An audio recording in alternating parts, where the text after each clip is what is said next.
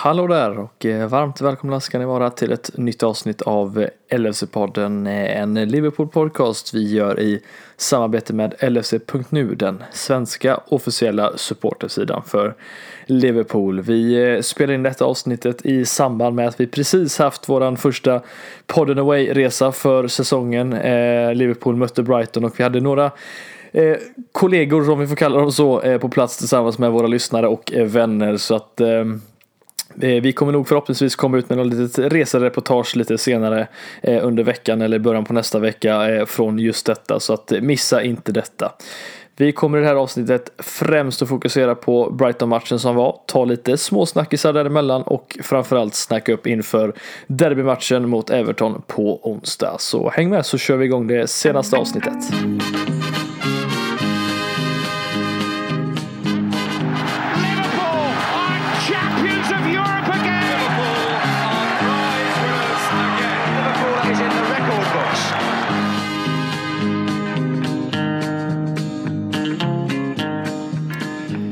Yes, då är vi tillbaka med ett eh, nytt avsnitt eh, med LFC-podden här igen. Och eh, det är återigen jag, Fredrik Eidefors, som ska styra detta skepp åt rätt håll. Eh, precis som förra gången nu när våra andra kompisar befinner sig, eh, eller på väg hem kanske de är i, i eh, talande stund från just Liverpool som podden befann sig på under matchen mot Brighton. Podden away dessutom där. Så att vi hoppas ju såklart att de har haft kul. Det ser ut som att de har haft det på sociala medier i alla fall. Så får väl jag se till att åka med nästa gång när vi åker i april mot Aston Villa hemma på Anfield. Men vi kommer nog återkomma med något litet eh, resereportage kanske eller liknande från, från killarna som var där lite senare. Eh, får se om det blir veckan eller längre fram. Men eh, någonting kommer i alla fall hända tror jag. Så att det får vi se vad de har att säga om det. Eh, som jag nämnde i avsnittet i introt här så kommer vi ju snacka lite om Brighton-matchen. Vi kommer framförallt då prata upp inför eh, Everton-matchen på onsdag. Eh, det är ju mitt eh, ja, vardagsmatch så att säga som, som kommer här nu. Så nu är det mycket tufft spelschema för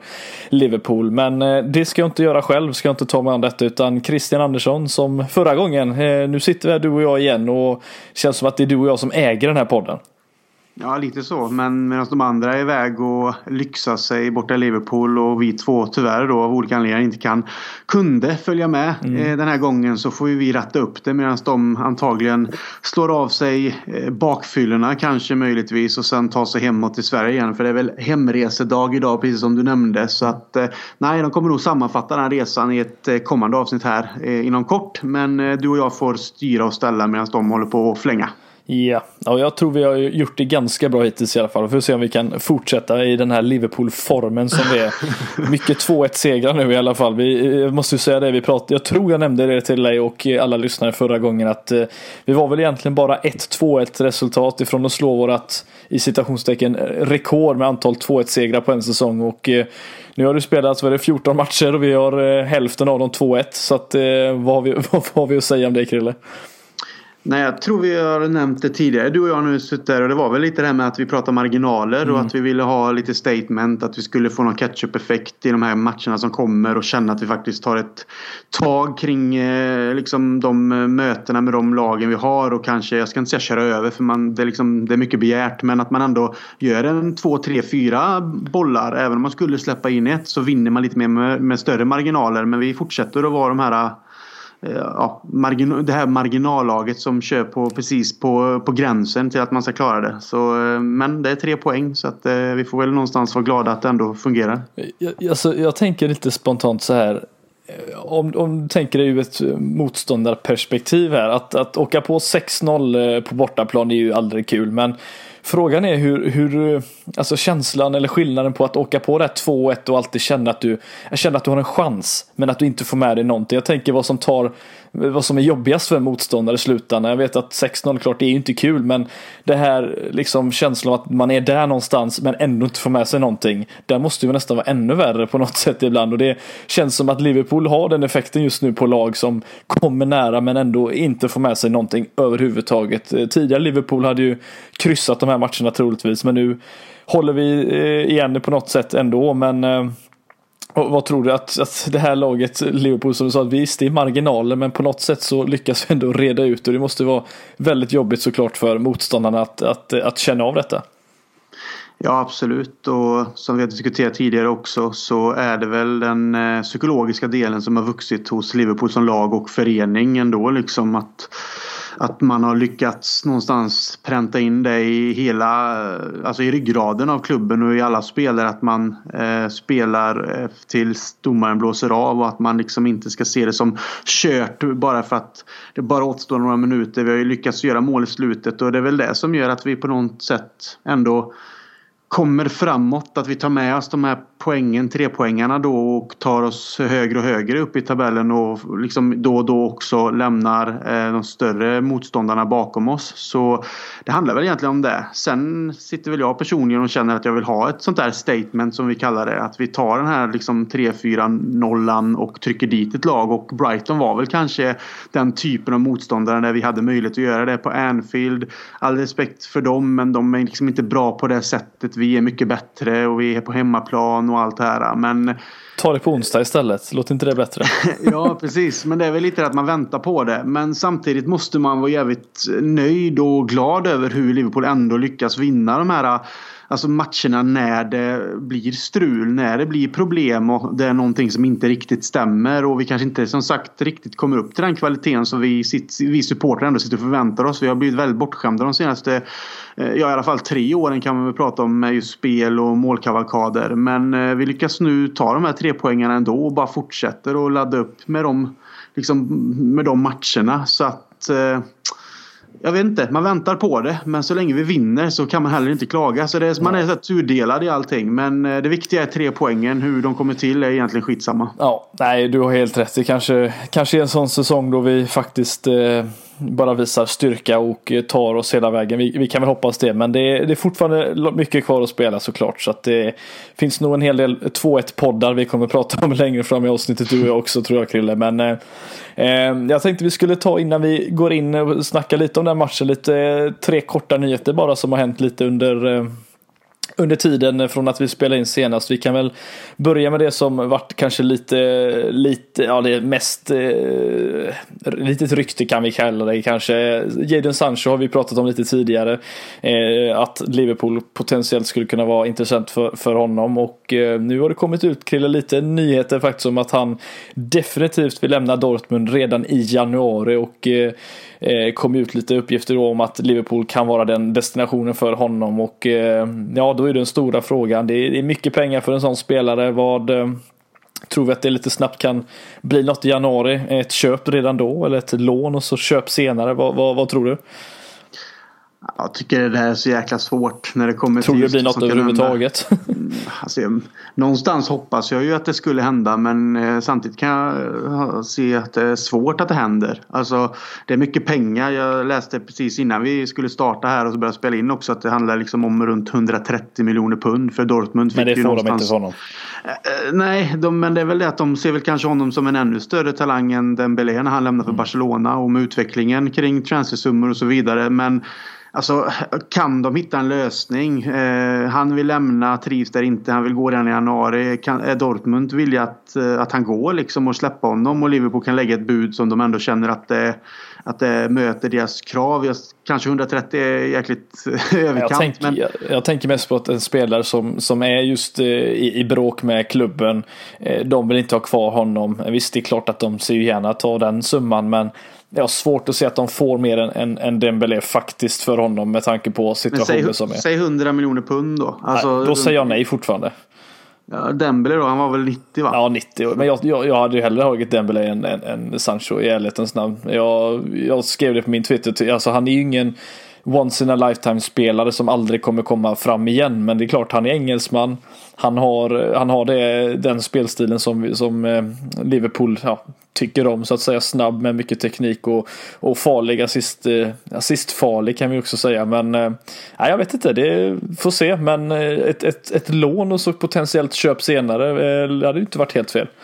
Nej absolut. Men jag menar skulle de komma överens och det ligger på den summan så samtidigt jag skulle nog inte tacka nej ändå. Han har ju framtiden för sig mm. landslagsman redan. Han är väl bara 19 år fortsatt. Så jag menar är han är ju ändå på en hög nivå. Men allting handlar om att det faktiskt ska gå i lås också. Men skulle ja. de komma överens nu i januari? Absolut. Skulle det vara som du säger ett lån med ett köp i sommar? Absolut. Men ja, jag sitter i alla fall lugnt ner i båten och inväntar mer information och ser vad som händer sen när transfönstret väl öppnar. Men att ryktena säger att det är vi som ligger i pole position och att eh, han skulle helst vilja gå till oss. Det är ju positivt. Så att, eh, vi får följa det här och se vad som händer. Men eh, skulle de komma överens och det blir någonting så är ingen gladare än jag. Nej, Nej, inte med jag, jag ser honom gärna såklart, men det finns en begränsning helt klart. Eh, alltså hur mycket jag ser gärna Liverpool att, att lägga, men inte mina pengar. Så att eh, så kan det vara. Det är klassisk, klassiska, ja, ja visserligen, viss del, ja precis. Eh, Nej men det är som sagt, då, vi, vi får väl se vad, vad, våra lyssnare säger. Vi kan väl lägga upp en liten, eh, liten poll på detta och se vad folket eh, gärna ser Sancho lämna eller, eller komma eller inte, vad de, vad de tror. Men det kan vi ta lite senare. Eh, det absolut senaste Krille som kommit ut här precis under tiden vi nästan började spela in är att de lottade fa Cup-matcherna eh, som ska ske här i början av januari. Och eh, nu ska vi prata upp Liverpool-Everton i Premier League. Men eh, Liverpool-Everton blir det även i FA-cupen på, på Anfield. Eh, samtidigt som Manchester City får, åka, får hemmamatch mot Port Vale. Det. Mm, same same. Ja, så kan man ju se det. Nej, men det är, man börjar ju liksom inte ens bli förvånad längre vilka, vilka matcher som City får när de, de andra lagen får lite tuffare motstånd. Men eh, nej, Everton på Anfield i januari känns väl inte helt fel heller.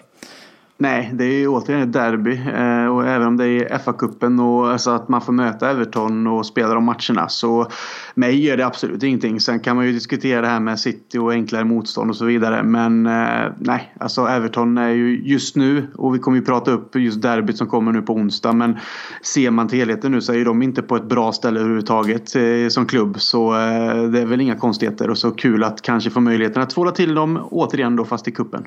Mm, får se om Marco Silva är tränare även då. Det, ja, vi kanske gör att han får sparken. Vi, vi har ju den tendensen att ge, ge tränare sparken efter att de har mött oss. att vi, det händer väl med han, Vias Boas, det med Mourinho och eh, ja, nu kanske det händer även här med, med Marco Silva. Det får vi se. Men eh, Nej, som sagt, kul med, med derby igen och få se hur Klopp väljer att ställa upp det laget. Om det blir Ungtupparna och Shakiri eller något sånt där. Det, det, det återstår att se. Men eh, eh, kul med match på Anfield och eh, framförallt hemmamatch tycker jag ändå är skönt även om det är mot ett tufft motstånd så det, det, hjälper ju lite Krille att, att ha hemmaplan oavsett om det är ett topplag eller ett skitlag man möter. I det här fallet så, så känns det ändå bra att vara på hemmaplan när det väl eh, ska ske.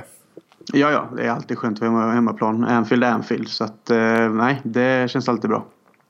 Yes, och så tänkte jag att vi tar den sista nyheten och det är ju det att eh, under tiden vi sitter här och spelar in igen då det är ju måndag kväll den 2 december så är det ju lite Ballon d'Or-gala eller vad man ska kalla det och eh, just nu så har ju som sagt Liverpool fyra stycken spelare med i topp 10-listan. Av någon anledning så även Riyad Mahrez där. var Oavsett vad han gjorde för sitt Algeriet så är han tydligen en av de tio bästa spelarna i världen. Men eh, eh van Dijk, Salah, eh, Mané och eh, Alisson har vi ju som sagt på den här listan och van Dijk är en av de som ser ut faktiskt kunna till och med vinna det hela. Det är ju han och Messi som det verkar eh, stå emellan. Vad, vad har du för tankar under den här eh, innan, innan det blir officiellt den som vinner? Tror du det blir van Dijk eller Messi? Ja, alltså, Vem tycker både, du borde vinna? Nej, men både hjärtat och hjärnan säger ju van Dijk sett till som man har läst många kommentarer kring hur folk har uttalat sig eller man har läst i olika eh, tidningar eller medier liksom att ska man gå på vem som var bäst eh, under förra säsongen och fortsatt så på det sättet så är det ju van Dijk enligt mig.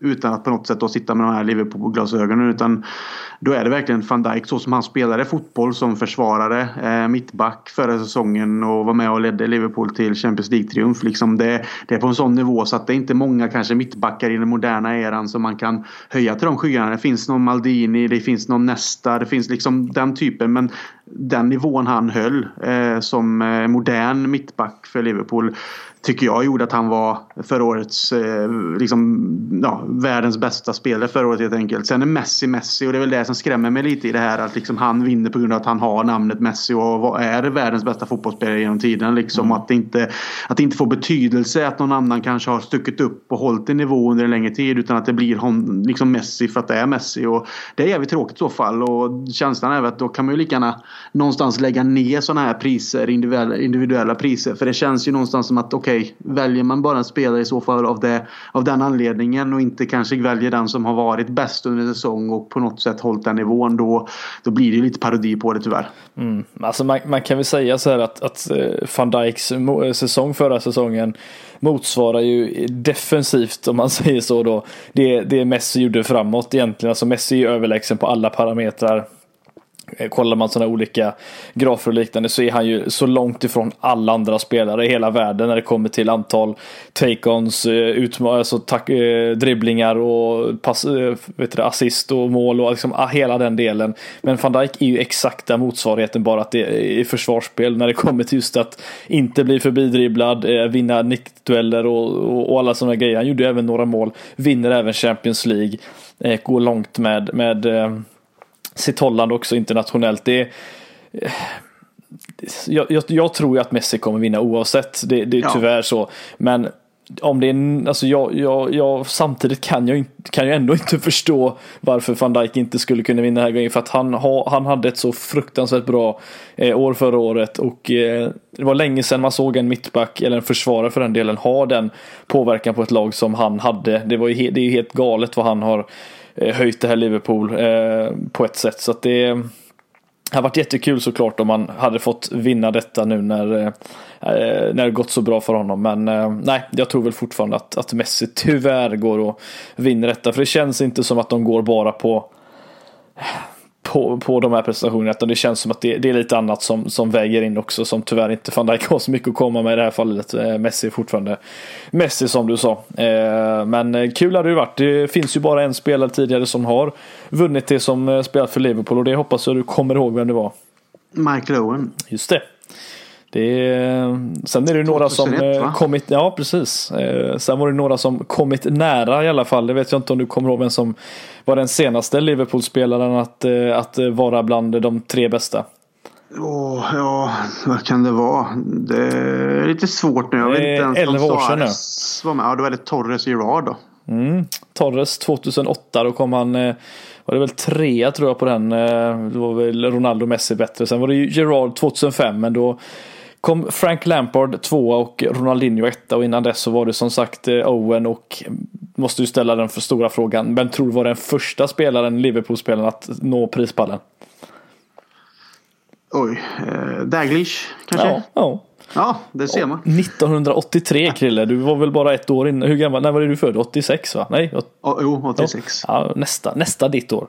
Eh, eh, Michel Platini vann det året. Eh, men ja. ja, nej, det är några Liverpool-spelare fantastiska genom tiderna. Men vi hoppas såklart att van Dijk på något sätt tar hem detta och som sagt notera att vi inte har koll på vem som vinner under tiden vi sitter och spelar in här. Om det nu skulle vara så att det kommer fram. Men nej, vi håller tummarna för den gode Virgil såklart. Eh, faktiskt bara två, tre stycken försvarsspelare Krille genom tiderna som har vunnit Ballon d'Or. Ser jag här nu. Det, var, det är inte jättemånga som har gjort det. det var, vilka var det nu? Beckenbauer, Sammer och Cannavaro. Ja, det är tre fantastiska fotbollsspelare helt klart. Mm, två uh, tyskar och en Just italienare då. Två Libros till och med. Ja, alltså de här gamla legenderna och även så här Cannavaro. Det är väl lite mer min eh, generation där mm. när man pratar om att man växer upp. Och jag älskar ju liksom nästa Cannavaro, Maldini, de här italienska. Även ja, Baresi fanns ju med i den. Costa det. Curta. Jag blir lite, fan, jag blir lite exalterad här. Men eh, jag gillar egentligen inte italiensk fotboll så. Men just de typen av profiler var ju ja. någonting extra. Turam. Ja. Ja, vi kan sitta här och prata om hur många bra spelare som helst. Men ja, vi ska gå vidare men... tänker jag. ja, fransman, men okej. Okay. Eh... Ja, det vet jag. Men jag spelar i Italien. Mm. Ja, precis.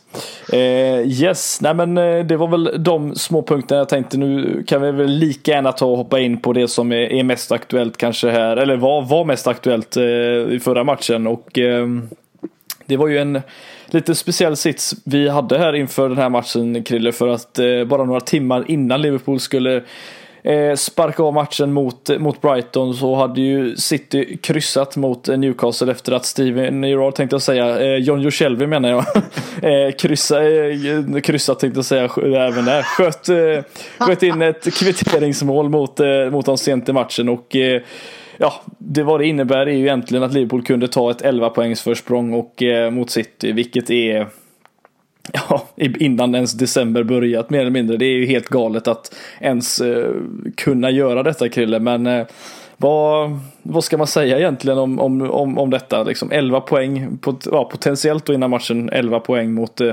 mot City. Det är, det är City som krossat rekord två säsonger i rad. Först och främst får jag väl eh, börja med att hur du försökte inleda den här no. diskussionen med att det låter som att det var du och jag som har varit iväg på en helg i, Liverpool. Ja, men jag har jobbat under Black Friday-helgen. Det är fan lika mycket som en bakfylla kan ja. jag säga.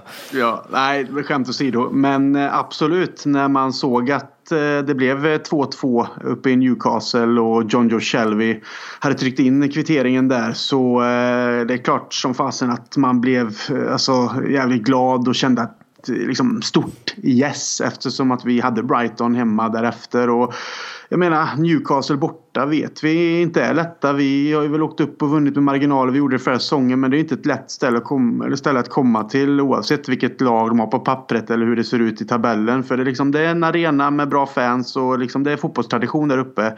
På den östra sidan i norra England så Nej, eh, skitbra att de lyckas göra det och det skapar ju förutsättningar för oss. Och då, då, kände man väl ännu mer liksom press att man skulle lyckas och ta ytterligare en trepoängare. Man kanske inte var orolig för det men man fick ju ändå den här nervositetskänslan att nu får man inte fucka upp den här möjligheten utan nu kan vi ta ytterligare steg. Så nej, det var med sköna känslor som man ändå gick in i matchen mot Brighton. Mm, visst kändes det ändå så här när, när De Bruyne gör då det här fruktansvärt snygga 2-1 målet, vad är det, 82 minuten, då, då känns det ju såklart över, City löser detta. Eh, men det är en annan säsong den här gången, för, för alla lag känns det som mer eller mindre. Det är ju det är inget lag som är sig likt förutom kanske Liverpool på något sätt då, bara att vi ändå Samtidigt är vi väldigt annorlunda för att vi inte alls är i närheten av det Liverpool som var förra säsongen rent spelmässigt och även försvarsmässigt för den delen. Ehm, och det, och det är lite intressant för jag, jag såg lite statistik här Krille om hur inför, eh, ja, efter Citys eh, kryss här nu då att de, de tog ju 100 poäng 17-18 och de tog ju 98 förra säsongen och om de lyckas vinna nu 24 av de sen, eh, nästa kommande matcherna helt enkelt, det då, då hamnar de på 101 poäng. Om de vinner alla av de 24 senaste. Så, då sätter alltså, sätt det i perspektiv hur bra de har varit och så tänker man nu att då måste de vinna alla de här 24 för att ens komma upp i närheten av det de har gjort de två eh, föregående säsongerna. Det, det känns inte rimligt va? Nej, det gör väl inte det. det har väl Eller liksom vågar jag blivit... säga det?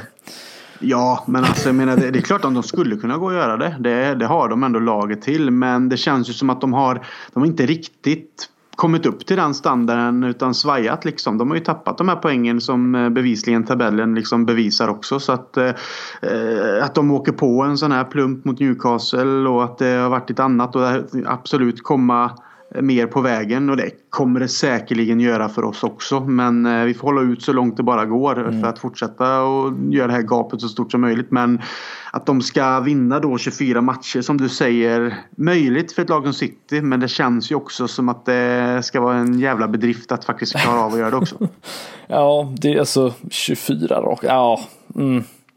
Ja. Nej, det blir svårt tror jag. Det, det ska mycket till, men som sagt. Men man vågar inte räkna bort dem ändå.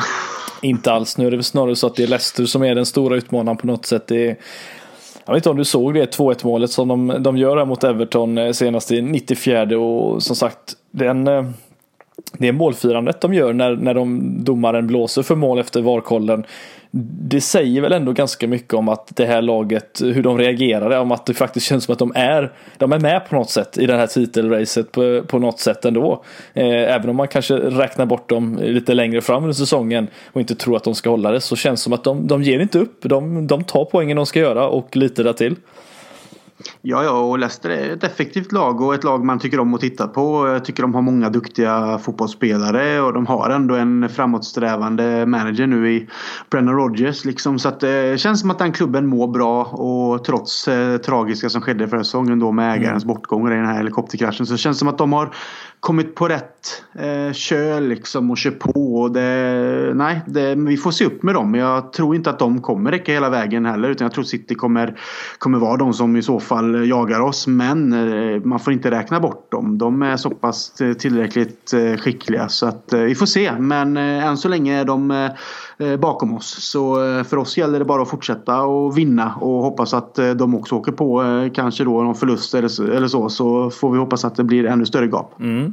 Ja, vi möter ju faktiskt dem på bortaplan i mitten av december, slutet av december blir det väl runt, runt julen där. Så att det, och de möter ju City ganska snart också eh, under perioden tror jag när vi är i Dubai. Så ja, det är mycket som sagt att spekulera kring de andra lagen. Men fokus på Liverpool i alla fall eh, är tillbaka då Krille. Och eh, med de förutsättningarna så kommer vi då in till den här matchen och eh, ja, efter 30 minuter så står det ju 2-0. Allting, allting känns ju frid och fröjd. Eh, van Dijk med dubbel, dubbla nickar och eh, Alexander Arnold med dubbla assist. Det kändes väl där och då i alla fall som att eh, det här slutar ju inte 2-0 direkt utan det här kommer ju bli mycket mer. Men ja, av någon anledning så känns det nu som att Liverpool har svårt att antingen stänga till matcher på det sättet att man antingen gör fler mål och eh, helt och hållet dödar matchen. Men det är ett, som, som jag sa förut, ett annat Liverpool. Vad, vad är det som händer egentligen?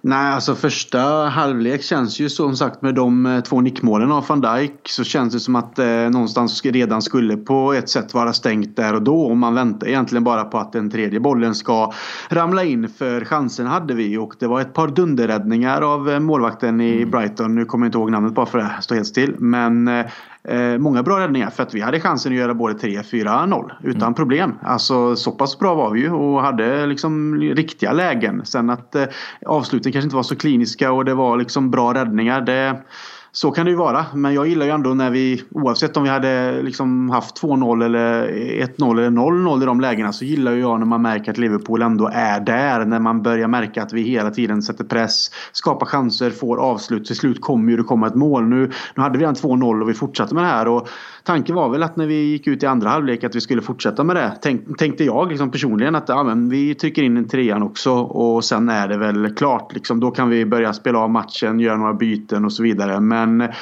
nej, precis som du säger här med så eh, är det ju ett annat Liverpool och eh, jag tycker att vi mm, slutar vara vi helt enkelt som vi har varit, gjort tidigare den här säsongen jämfört med kanske förra säsongen då eller även tidigare dessförinnan. Så är det som att vi liksom nästan liksom går lågt i försvaret. Låter Brighton ha bollen. Visst, man kan tänka på det här med kontringar. Att vi låter dem liksom... Vi försvarar nu och sen tar vi tag i det och kontrar och gör ett mål då. Men eh, det jag inte gillar är att vi liksom låter motståndare få nöta in sig och att vi inte riktigt är på tårna. För det, när Liverpool är som bäst tycker jag det är när vi, liksom, när vi kör fullt. Jag säger inte att man ska köra det här eh, rock'n'roll pressspelet som vi gjorde under Klopp i början där som vi blev helt eh, hänförda av. Utan man får vara lite smartare. Men någonstans ska man inte ta bort intensiteten, pressen och den här aggressiviteten att erövra boll och, och, och sätta press på motståndarna. För när de, oavsett vilka, vilket lag eller vilka spelare det är så spelar de i Premier League och får de chansen att börja liksom få tid på sig och sätta lite bollar och hitta sitt eget spel och vi bara liksom står relativt lågt. Då, då känner inte jag mig trygg även om vi har ett stabilt försvarsspel och så. Jag tycker att det är onödigt att vi låter det hända på hemmaplan framförallt. Så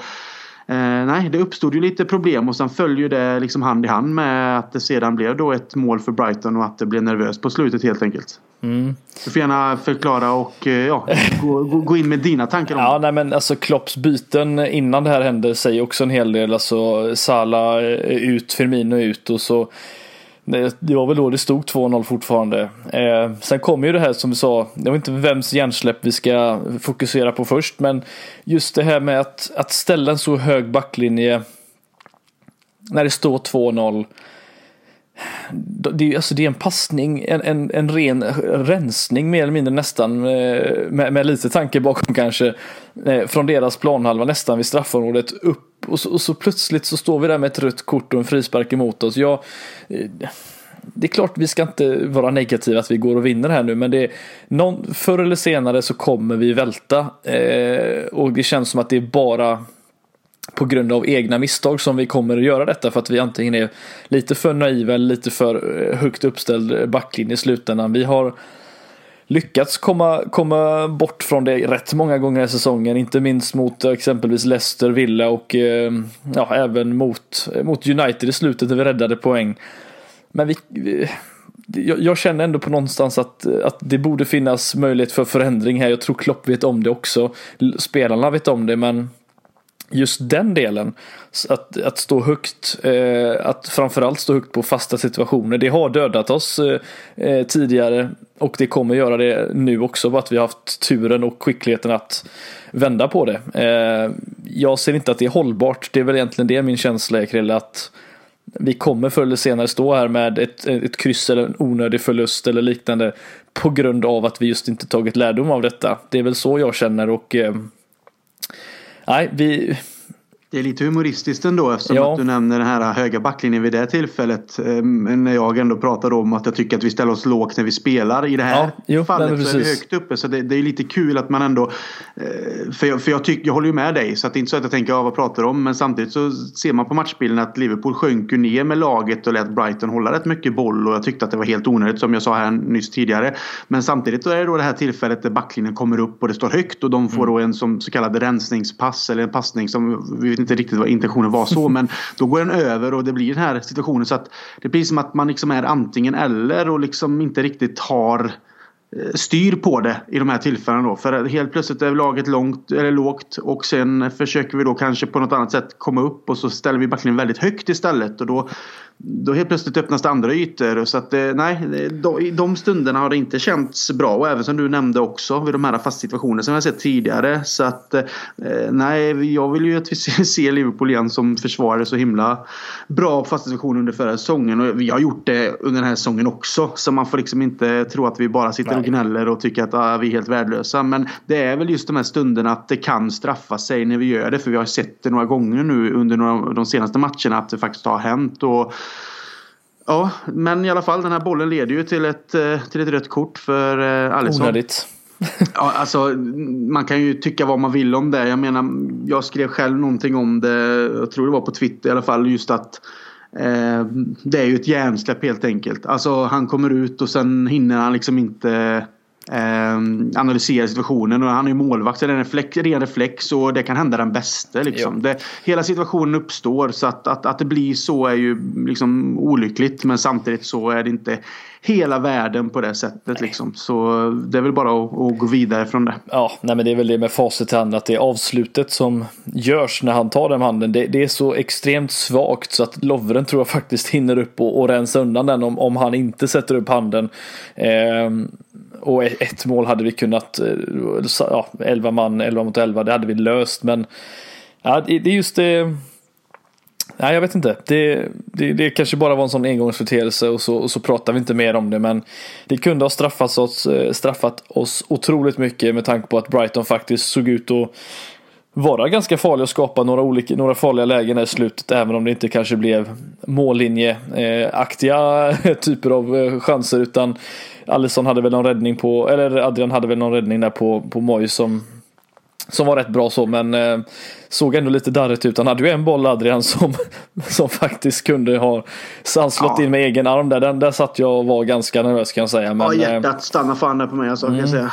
Men, eh, men ja, vi, vi kan ju ändå ta det också lite kort här när Alisson ändå det här med kortet och sen frisparken ja. som, som är efter liksom. Att det blir 2-1. Det är ju också en sån här liksom. Det känns lite också typiskt Liverpool. När det väl sker en sån grej så händer det liksom att det blir en dominoeffekt och så får de ett mål. Och jag har inte riktigt koll på de här reglerna. Och inte så jätteintresserad av att läsa in mig på det heller om jag ska vara helt ärlig. Men det pratas ju lite om att de hade någon gubbe i muren och att det är regler om att de inte ja. var, att det är någon meter hit och dit och så vidare. Men, och Adrian håller på att ställa upp muren men äh, Atkinson låter eh, avslutet tas och allt det här. Vad har man begärt avstånd eller ska han faktiskt låta målvakten som inte är beredd? Alltså det finns ju olika för att här, vi har ju sett andra som har gjort eh, liksom frisparksmål när målvakten inte varit beredd. Men här var det då en gubbe i muren. Ska man då kolla det med VAR? Hur funkar det?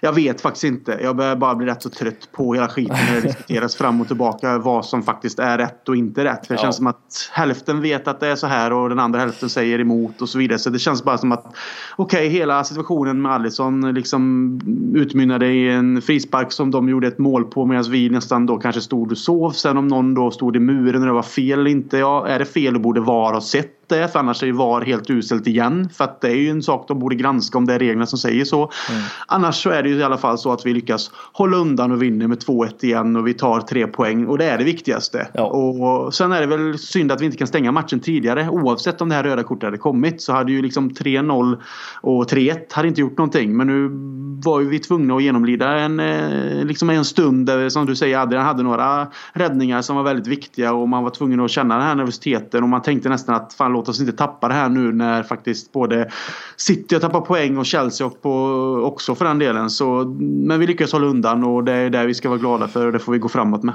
Helt klart. Nej men det är som du säger, det är, poängen är helt klart det viktigaste och på något sätt så satt väl jag ändå efter den här matchen och visst jag var lite besviken på sättet hur, hur, det, hur det blev till slut ändå men med, med tanke på hur, hur, det blev med City, att de tappar poäng, så kändes den här segern, oh, så, alltså det var nästan så här, okej okay, nu, det hände, det, nu släpper vi det. Vi har fortfarande tre poäng. Det var ungefär så min känsla var efter matchen och det är så vi borde ha tänkt efter den här också i slutändan kan, kan jag tycka. Eh, tre fantastiska poäng att ta när man vet att de har tappat poäng eh, som du sa där bakom oss. Så det eh, Nej, det, det, det, är fantastiskt och som sagt, det är bara att kolla på hur tabellen ser ut och hur, hur väl vi har tagit de här poängen. Det är, jag vet inte riktigt, det är snart som att man inte riktigt, det finns inga ord längre Krille, hur man ska förklara detta Liverpool. Men eh, vi fortsätter, vi fortsätter och vi fortsätter och det, frågan är när det ska sluta. Ja, och som sagt, även om vi vinner då med, med de här marginalerna, att det är 2-1. Eh, styrkan finns ju i det också och att eh, det känns som att vi ändå alltid har en liten lösning på problemen i bakfickan. Så eh, nej, eh, som jag sa innan, man sitter och väntar på den här eh, liksom, catch-up-effekten där vi gör en del bollar och känner att hela matchen egentligen med 3-4-0 och det är inga konstigheter alls. Men så länge vi lyckas och tar de här vinsterna oavsett om det är med uddamålet så jag menar det det, det är styrkebesked i sig och man får bara hoppas att det fortsätter eh, om det nu ändå kommer se ut så här. Alltså får vi bara hoppas att vi ändå kan klara av det. Sen hoppas jag ju såklart att vi också ska hålla nollan men det viktiga det gör vi inte längre. det är att vi vinner och hur vi vinner. Så eh, bara vi tar tre poäng då, får, då, då kan man, man kan klaga på insatserna. Man kan klaga på att man vill liksom tycka att saker och ting är onödiga. Att man kanske borde tänka på olika sätt. För man får ändå, man får ändå vara kritisk även i liksom positiv medgång. Men samtidigt så länge vi vinner så får man också stanna upp och liksom få lite distans till det och känna att okej, okay, det var inte kanske det bästa, den bästa eh, matchen av spelarna eller laget. Det var kanske inte eh, rent individuellt det bästa. Det var inte en laginsats som var den bästa i vissa fall. Jag pratar inte om en specifik match nu utan just i helheten. Men vi vann och det är ändå det som någonstans man får ta med sig. För som vi har pratat tidigare i podden med, i alla fall jag vet att jag har pratat om det, är att liksom, när man väl känner kanske att det klickar igång för Liverpool. För det känns inte som att det har gjort det mer än kanske mot City och någon mer gång under den här säsongen. Utan det har varit de här marginalerna. Vi har haft det med oss helt, helt enkelt. Både eh, liksom, lite straffar, vi har haft de här avsluten och det har gått in bollar och så vidare. Men det är också ett styrkebesked för ett lag som, som på något sätt bara rullar på. Men när det väl faktiskt klickar och vi får kanske en catch-up-effekt så kan vi hoppas att vi hittar den formen. Då kanske vi ser ett Liverpool som hittar hitta ytterligare nivå och då är det jävligt svårt att stoppa oss tror jag. Mm. Nej, jag, jag håller med. Det finns inte så mycket mer att, att säga om detta kan jag tycka. Det, vi, eh, vi avslutar väl den eh, ja, Brighton-snacket med, med de fina orden kan jag tycka. Jag tror vi alla håller med på det faktiskt. Det, det, det, tror jag absolut. Jag måste bara säga dock att jag, jag är ju lite på, lite på eh, sånt där trivia quiz humör nu Krille som du har förstått nu med alla Ballon d'Or-snack. Kommer du ihåg den senaste mm, Liverpool-målvakten som blev utvisad? Uh, ja, jag vet inte. Det finns en koppling med, med Alisson nämligen. Ja, då är det väl uh, ah, han brassen. Uh, jag kommer inte ihåg vad han heter nu bara för det. Cavil Cavalieri. Nej, inte han. Nej. Den uh, andra. Tony. Jajamän. 2012. Ja, det är en koppling med för båda var väl i Roma va? Ja, det var det ett tag, ja precis. Mm. Ja, bra. Ja, då, det, det löste du bra. Det löste du bra. Mm. Vad, eh, vad säger du Kille? Ska vi hoppa på det som de flesta kanske vill lyssna på? Det är ju det som, eh, som sker här nu i mitten i veckan. Det är eh, lillebror som är på besök i, på Liverpool-sidan om vi säger, eller Liverpool, den röda sidan menar jag, inte Liverpool-sidan. och som vi sa här tidigare så tidigare gånger har kanske det varit ett Everton som har varit och nosat lite på en sjätte, femte plats, kanske till och med en fjärde plats. Men eh, det är inte riktigt samma förutsättningar nu inför den här gången. Eh, vi vet att Marco Silva sitter löst. De eh, fick med sig en tung förlust nu senast mot Leicester. Vad, vad har du för, för tankar inför matchen? Vi, vi ska säga att vi, vi ska ta en liten rolig grej och också ta våra topp fem eh, bästa minnen de senaste tio åren mot Everton för, eh, lite senare. Men vi kan väl ta först och höra lite hur du, hur du eh, ser, ser på det hela. Ja, alltså att möta Everton på Anfield egentligen. Eh, det här är kanske ett av de eh, bästa eh, tillfällena som vi har haft under en eh, längre period. För Även om vi oftast eh, vinner mot Everton både hemma och borta, i alla fall får man oss poäng bortaplan så, så är ju de ett lag nu som känns Ja, det känns som att det är väldigt tungt för dem. De har en manager som hänger löst. De får inte med sig resultat alls. Eh, trots att de har ett spelarmaterial som ändå känns som att det bör kunna vara bättre. Men eh, vi har ett tillfälle att helt enkelt sparka på ett lag som redan ligger ner. Och eh, likt Brighton nu när vi hade dem på hemmaplan. Nu säger jag inte att de på något sätt låg ner. Men det är hemmaplan. Vi lyckas ta tre poäng. Kan vi liksom få med oss tre poäng i ett derby i en andra hemmamatch på raken så är det också väldigt viktigt och väldigt starkt i, i fortsättningen här i december. Så att eh, jag ser matchen som ett, ett av de bästa tillfällena i lite mer modern tid att faktiskt möta Everton på hemmaplan i ett derby. För vi vet att ett derby kan vara tufft oavsett hur, hur formen är. Så att eh, här har vi faktiskt chansen att trycka dit lillebror ordentligt och så ta ytterligare tre poäng i jakten mot den där titeln i maj. Mm. Om, vi, om jag säger, eh, säger så här då att eh, det finns ju två sätt Liverpool kan ta sig an den här matchen. Det är antingen att komma in till den här matchen som om det vore Manchester City på Anfield som det var för några veckor sedan. Eh, ja tack. Ett, ett, ja precis, låt, låt mig prata klart. Med, med, mycket energi, fokus på att vi faktiskt ska köra över motståndarna, aggressiva. Det, det, ja, det fina Liverpool som vi kanske känner igen sen, sen förra året i alla fall då. När det kommer till att, eh, att spela bra fotboll. Eh, eller så kommer man in till den här matchen likt hur vi tog oss an matchen mot United, det vill säga med lite för mycket respekt under säsong, tidigare säsongen, det vill säga ett lag som inte är i jättebra form, de har skador, men framförallt att de kommer in och inte är det, det gamla vanliga United och i det här fallet då det gamla vanliga Everton. Eh, tror att det finns en risk att, att, det, att det blir åt det håll, senare hållet eh, snarare än det första hållet? Nej, inte direkt egentligen. För man, man får ändå komma ihåg att matchen mot United var ju på bortaplan. Mm. Och oavsett vad man liksom tänker och tycker om form och spelarmaterial och hur kontra Liverpool. Alltså sett till jämförelsevis med Manchester Uniteds eh, dagens upplagor av lagen också. Så den matchen på bortaplan är inte alltid lätt att tro att man ska komma dit och på något sätt spela dem av banan. Även om vi hade stark tro på att det här var en, ett av de bättre tillfällena också för att spela mot United borta. Eh, så gick det inte riktigt. Men det jag känner här är att vi är på hemmaplan i det här derbyt här nu. Så att eh, vi måste låta Anfield få vara Anfield vid det här tillfället. Och spelarna vet om det. Klopp vet om det. Det är ett derby. Man vill vinna det. Det är ytterligare då, som jag sa, en till match på hemmaplan. Två i rad där man har möjlighet att ta liksom sex poäng tillsammans för att ytterligare sätta press på de andra lagen. Så att eh, jag hoppas ju och tror att Liverpool kommer komma ut med intensitet och aggressivitet alla City-matchen. Eh, det är i alla fall min stora förhoppning att man tar den matchen på på det sättet. Sen kanske Everton inte spelar lika öppet som City och vill anfalla på det sättet. Men någonstans är ju derby alltid en match där det blir en jävla fart. Eh, men eh, Ja, det är lite svårt men jag hoppas att Liverpool tar matchen dit i alla fall. För då tror jag att vi har störst chans att vinna än att låta mm. Everton liksom gneta och att vi faller in i deras tempo. Utan det gäller att vi tar matchen dit, dit vi vill helt enkelt. Då tror jag inte att Everton står, står pall så länge faktiskt. Nej. Nej, Everton ställde ju visserligen nu upp med ett 5-4-1 eh, mot, eh, mot Leicester senast eh, istället för sin ja, traditionella 4-2-3-1 som Marco Silva brukar spela med, med, med Everton. Men och jag tror väl ärlighetens namn att han kommer försöka ställa upp med något eh, identiskt mot, eh, mot oss nu på onsdag. Eh, Leicester, Leicester var det bättre laget senast men de hade svårt att skapa allt för superfarliga lägen men så jag tror väl att absolut att Marco Silva kommer tänka likadant och försöka få med sig ett, ja, ett kryss i det han definitivt kommer att försöka få.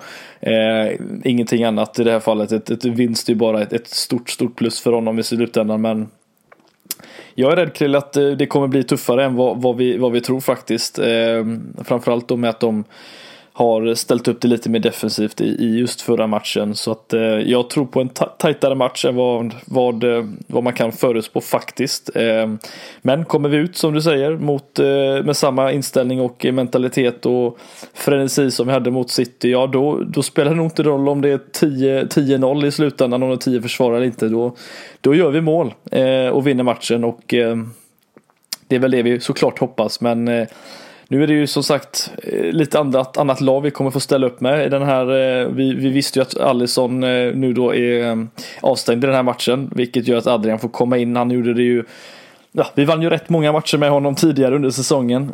Så det borde kanske inte vara ett problem. Men Fabinho är borta nu då. Hur, ja, hur ser vi nu på att de viktiga kuggarna är borta? Vad, hur, hur tror du Klopp väljer att formera laget?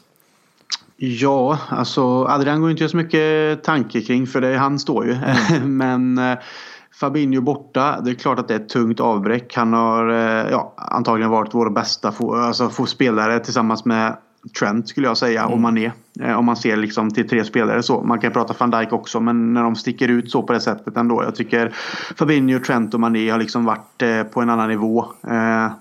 Och van Dijk har ju haft en så hög nivå hela tiden så man glömmer ju av honom. Han är så van där. Men de andra har verkligen stuckit ut och tagit ytterligare steg känns det som. Så att eh, ser man till då att Fabinho är borta så tänker väl jag att det kommer säkert bli en Wijnaldum som går ner och tar eh, den eh, positionen. Att han är mer liksom sittande. Och sen så får vi väl se nu på hemmaplan mot eh, Everton i ett derby. Henderson kommer antagligen såklart spela som kapten och den pådrivare och kämpa han är. Sen finns det ju en öppen plats där då på mittfältet och jag vet inte. Jag hade ju som sagt fortsatt gillas, eh, gillat att se en Oxlade Chamberlain komma in och vara kreativ. Men i ett derby kan det ju också vara en jävla aggressivitet och smälla på rätt bra. Så att det kan ju också vara så att en Milner faktiskt kommer in på ett mittfält. Ehm, så att eh, det är lite svårt där. Det beror helt på. Men jag, får jag välja så vill jag ju se Oxlade. Ja, alltså, jag, jag känner så här. Startar Henderson, Milner och Wijnaldum på hemmaplan mot ett Everton som till stor, eh, alltså till 99% säkerhet kommer ställa upp med en fembackslinje. Då kan vi kasta in handduken, då är det ingen idé att spela. Då, då, ge, då, nej, men alltså, då, då ger vi upp på förhand nästan. Jag tycker det, då ger vi dem en chans att faktiskt få andas i den här matchen jag, jag, jag, kan, jag, jag, hoppas verkligen att vi får se en Oxlade spela. Han erbjuder så mycket mer. Visst, han kanske inte är 100% i toppform rent spelmässigt även om han har gjort mål. Han kan bli bättre, men han erbjuder framförallt en, en, en farlig, eh, han, han har liksom skottet, han, är, han har farten, styrkan han är avig, han, han har just det lilla extra som absolut inte Milner och Henderson har.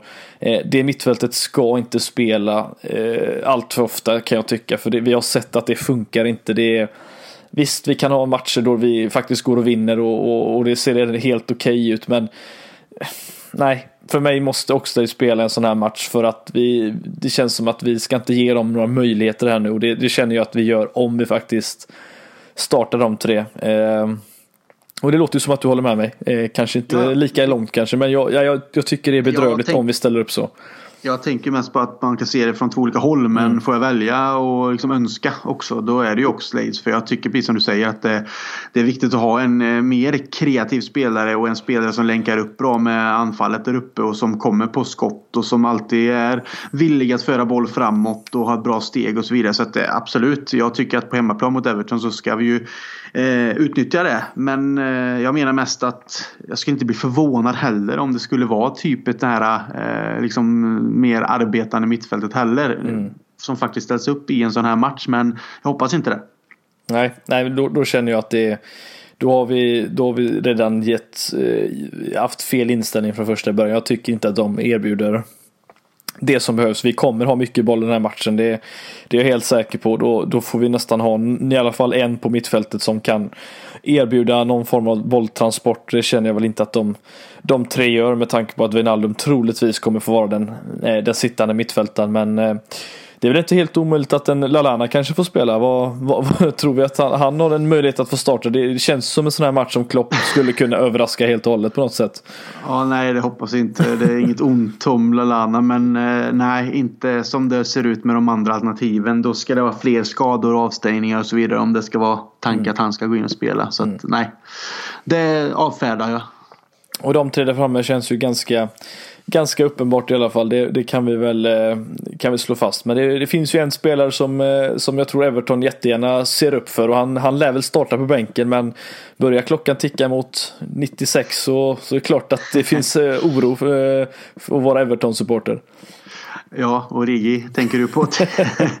ja, alltså han får ju jättegärna nu. Ja, nu vill jag inte att matchen ska gå så långt att det ska behöva uppstå en sån situation igen. Även om Nej, den är magisk när det väl händer. Men han får jättegärna komma in och trycka in en balja. Eh, men då kan vi gärna leda med 2-3-0 också. Så att, eh, men eh, ja, jag tycker väl att Everton ska eh, vara relativt rädda för den här matchen. Eh, sett till hur, de, hur det är nu. Men samtidigt är det en match för dem att på något sätt försöka vända en trend. Särskilt när det är ett derby mot, mot Liverpool. Så nej, jag håller med dig att det blir väl kanske inte så jättestora ändringar i det förutom målvakt och den sittande då. Sen ser det ut som att laget som sagt blir, så länge det inte uppstår några andra skador inför här så ser det ut som att det är rätt så intakt mot vad vi är vana att se. Mm.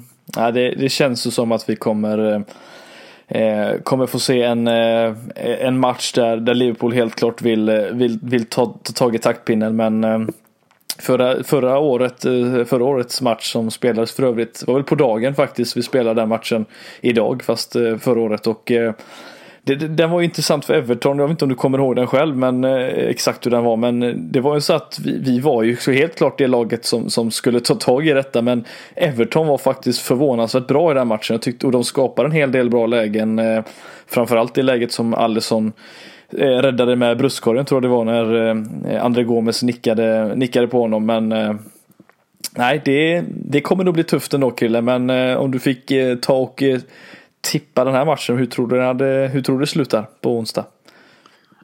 Jag tänkte att det är lite roligt nu att säga 2-1 bara för det. men Oh, jag hoppas ju på den här äh, känslan av att vi bara trycker liksom dit dem och kör över dem äh, lite city fast det inte är city. Men du förstår vad jag menar när jag mm. säger så. Liksom att vi någonstans kör på och får in de här bollarna och visar att vi, vi är någonstans tillbaka på den nivån igen. Men eh, det är ett derby så jag tror ändå att det kan bli eh, relativt tajt. Men jag, jag är positiv och säger 3-1.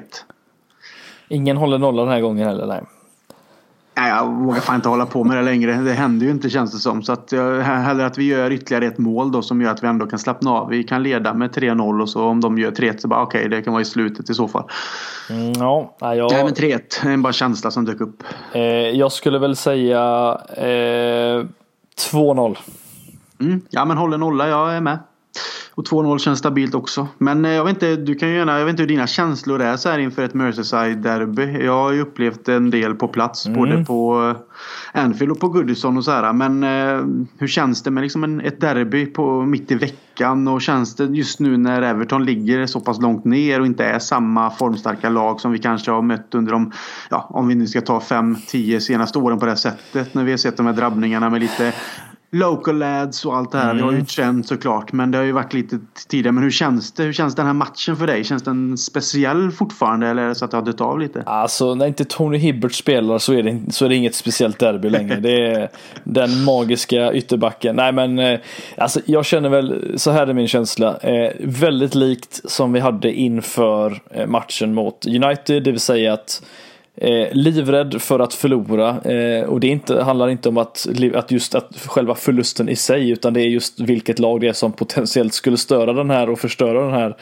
winning streaken som vi har just nu. Eh, om Everton skulle lyckas på något jävla vänster slå oss eller ta poäng men framförallt slå oss på Anfield när vi har gått 31 matcher obesegrade eh, Champions of Europe och allt det där Alltså det hade ju varit så fruktansvärt ironiskt på något sätt om, om man hade liksom åkt på den plumpen mot lillebror på hemmaplan.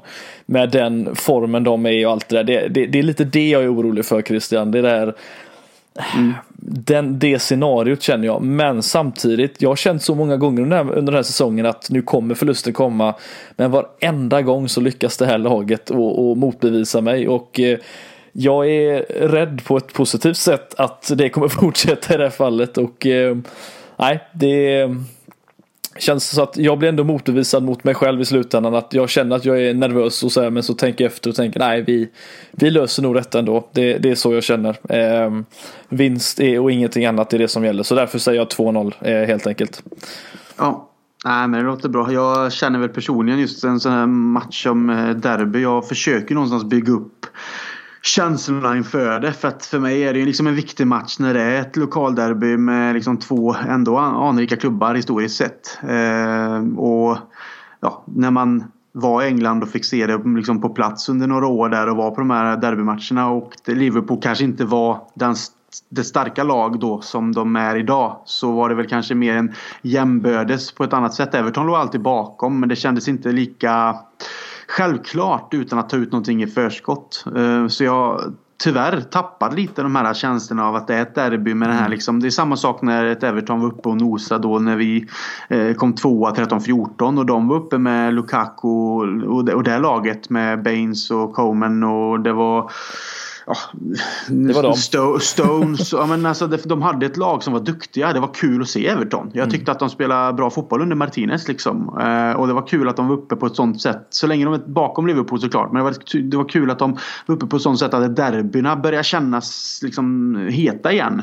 Eh, tyvärr känns det ju nu som att det är, det derby men vi är så pass långt ifrån Everton nu på, ett helt annan, på en helt annan nivå. Eh, så att det tar nästan udden ur den här typen av match. Jag som är lite nostalgisk och anglofil och känslomänniska när det kommer till sånt här. Så jag tycker det är lite synd men samtidigt så oavsett match så vill jag ju alltid att Liverpool vinner. Men eh, det känns inte så upphåsat som det nej. kanske känts eh, tidigare. Nej, nej men det gör det inte. Det är, det är som du säger, det är inte många locals kvar här eh, i, i de här matcherna längre. Så att eh, förklart för Trent är det ju något alldeles extra fortfarande. Men eh, han, han, får väl gärna ta, ta tag i taktpinnen och göra några assist i den här matchen så, så blir det väl bra. Men det är helt klart är det inte exakt samma känsla som det har varit de eh, senaste tio åren och, och, innan dess såklart då. Men eh, kanske är dags att ta tillbaka det nu Krille. När, det, när, det väl, eh, när vi väl är där vi är i, i ligan och eh, i toppen så kan vi väl lika gärna ta och, och, bygga vidare på detta derbyt och få det till något alldeles extra. Men det,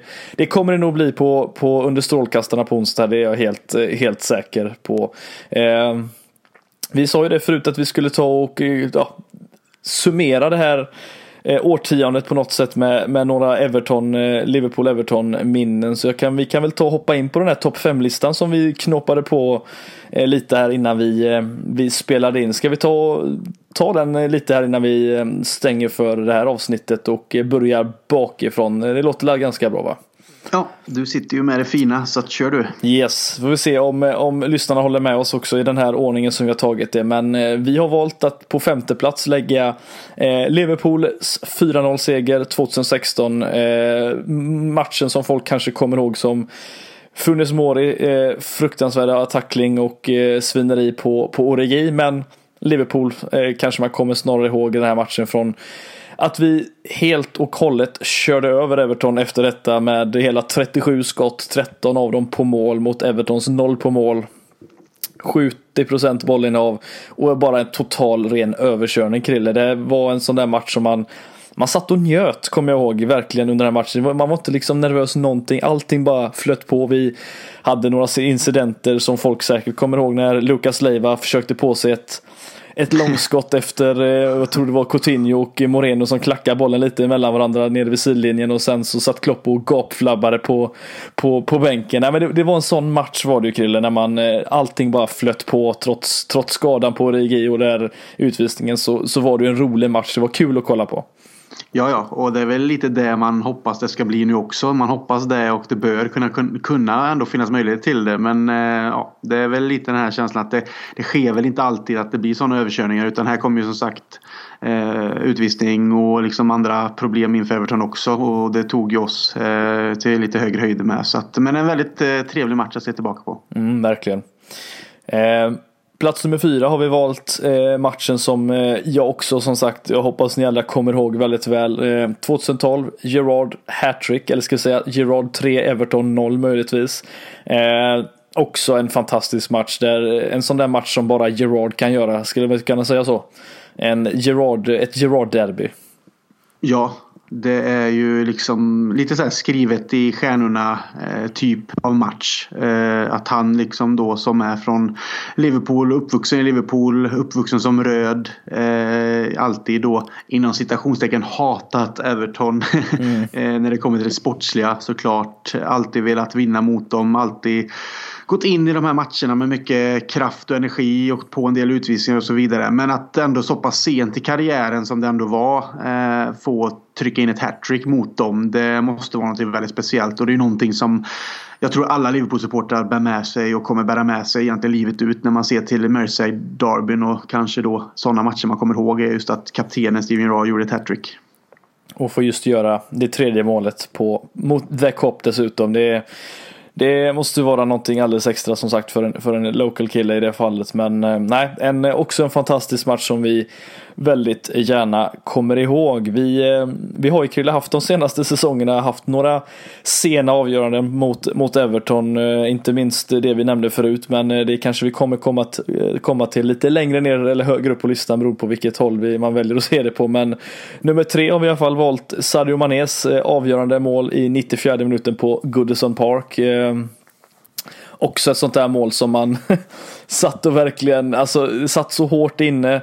Stolpträffen från Daniel Sturridge och så de kvicka fötterna på Mané som hinner upp den där returen och eh, smäller in eh, målet i 94 och sen får fira nere med de här rökbomberna eh, nere vid Liverpool-fansen. Också en sån där match man kommer ihåg som, det var inte den roligaste matchen, vi kanske borde gjort mål innan men få med oss till slutet. Vad, vad kommer du ihåg ifrån det? Det är väl egentligen den situationen. Ja, det är bara det. Nej, men äh, som det, är så, det är så mycket matcher och situationer och händelser och så så att det blir liksom svårt att komma ihåg matcher i sig. Men just känslan av Alltså som, som uppstår när man är Eh, Eh, snappar upp den returen och trycker in bollen och att det blir det här firandet och liksom det liksom ja, blir helt kaos nere i Liverpool-hörnet om man säger så i bortasektionen då eftersom att det spelar på Goodison. Den känslan är ju det man egentligen kommer ihåg där. Det är liksom det som har frusit sig fast på, eh, på näthinnan liksom. Så att eh, nej, underbar känsla och på bortaplan såklart också då att få ta med sig tre poäng på ett sådant sätt med det är ju att man trycker ner dem ännu mer i skorna. Mm. Nej, precis. Nej. Var, var ett trevligt minne helt klart. Den kommer man nog inte glömma på, på många år, om ens någonsin. Eh, nummer två på listan har vi valt eh, en, också en sån där fantastiskt rolig match att kolla på. Eh, 13-14 när Everton kommer på besök. 5-0 slutade. Total överkörning. Eh, om ja, matchen på femteplatsen var en överkörning så var detta någonting alldeles extra. Eh, det var ju en säsong Krille då vi körde över rätt många lag. Men det här var just ett, ett derby på Anfield. Eh, sent på kvällen, kommer jag eftermiddagen, kvällen. Eh, och vi, ja, 3-0 halvtid och bara kör över dem rakt igenom. Var, eh, det är liksom en, sånt här, en sån match som vi kanske önskar vi kanske får nu på onsdag.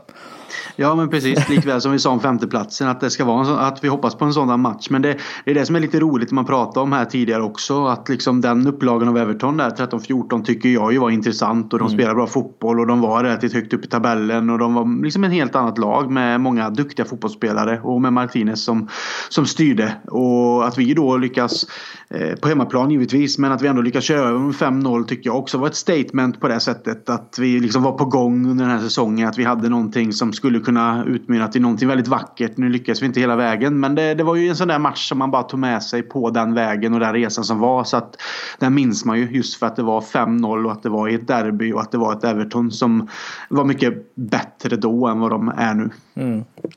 Ja, nej, det var en fantastisk match. Eh, kommer väl ihåg den eh, Just en scen som jag kommer ihåg väldigt tydligt, eller en scen, eh, en situation. Eh, det var ju 1-0 målet som Gerard gör där på hörna efter Suarez står nere vid Everton-klacken och de eh, kastar lite saker på honom och ropar säkert några, några snälla ord till honom och, och Gerard sen springer ner. Det finns ett skönt slow motion klipp när han firar med Suarez när han springer med sina armar och är hur glad som helst. Jag kommer ihåg den matchen väldigt väl. Det var Ja, de ögonen och den blicken leker mm. man inte med. Alltså. Nej, det... precis. En local som precis gjort mål mot sin värsta fiende. Det, det måste vara något alldeles speciellt såklart. Eh, nummer ett på listan tror jag är ganska, ganska lätt för folk att, att lista ut. Men eh, det är det som är mest färskt på minnet. Eh, som sagt, Origis sena avgörande eh, på Anfield, 96 minuten. Pickford mår nog fortfarande inte jättebra efter den situationen. Men vad kommer du ihåg ifrån det? Nej, det är egentligen känslan av att vi på något sätt låter den här matchen falla oss ur händerna också. Att vi tappar poäng. Det känns onödigt. Man är rätt besviken. Man känner att ah, fan, vi kunde gjort så mycket bättre och tagit de här poängen. Och sen ser man ju också i slutet där i den situationen där van Dijk ska liksom försöka sig på ett avslut av något slag och bollen går högt och man tänker att den ska gå ut. Så man har ju bara liksom, ah, nu är det över. Och sen ser man helt plötsligt hur bollen tar i ribban. Pickford famlar med sina dinosauriearmar och Origi är där liksom framme. Alert. Var den enda som inte gav upp på bollen. Nej, men han är alert, pigg, han är glad, han är Origi. så att han liksom är där och styr in den och den eh, känslan är också och fira är helt underbar och alla minns väl Klopps eh, inrusning på planen och kramandes med Alisson och fick väl skit i studio och andra medier och hit och dit. Men vem fan bryr sig liksom? Det är klart att man firar på det sättet så länge du inte är hånfull på något sätt. Alltså om du har sett vissa eh, ledare eller olika liksom personal inom ledarstaben göra till exempel mot bänkarna och så vidare att du liksom mm. hånar din motstånd. Det här är ju bara, det är ju bara ren glädje. Det finns ju ingenting i Klopp som på något sätt vill trycka ner eh, liksom Everton-spelarna eller ledarna på något sätt. Utan det här bara kommer av ren eufori på det sättet att det bara slår till i huvudet och han vill bara fira. Och jag menar fan, skulle någon annan manager göra det mot oss i ett sånt läge. Det är klart att man inte skulle bli glad men jag skulle ändå inte sitta och gnälla om det. För vi gör ju precis detsamma och det är väl någonting som hör fotbollen till. Fan, när det blir sådana avslut på en match där du går och vinner i 96 minuter mot din liksom, lokalkonkurrent liksom, och, och, gör det på det sättet i den händelse som det faktiskt blir. Det är klart som fan att man ska fira och det är väl det man kommer komma ihåg från det också. Just att Klopp gjorde det på sitt typiska Klopp-sätt. Så nej, underbar match, underbar situation, underbart firande. Ja, helt klart. Det var den listan Krille. Mm. Den känner vi oss nöjda med va? Ja, ja absolut. Ja, men det är bra. Vi, eh, som sagt, nu har vi spelat in här i strax eh, ja, lite över en timme faktiskt. Eh, så det är dags för oss att avsluta detta avsnittet. Men det vi vill som sagt ta med oss, som sagt, vi kommer, nämnde i början av avsnittet att förhoppningsvis så kommer ut något litet resereportage från killarna som var i Liverpool med podden Away och det ser vi ju till och med du och jag också Krille fram emot att få lyssna på. Så att håll utkik på våra sociala medier så kanske det dyker upp, upp någonting här lite längre fram. Men Eh, tills dess så tackar vi för att ni har lyssnat och eh, så hörs vi snart igen. Tack ska ni ha.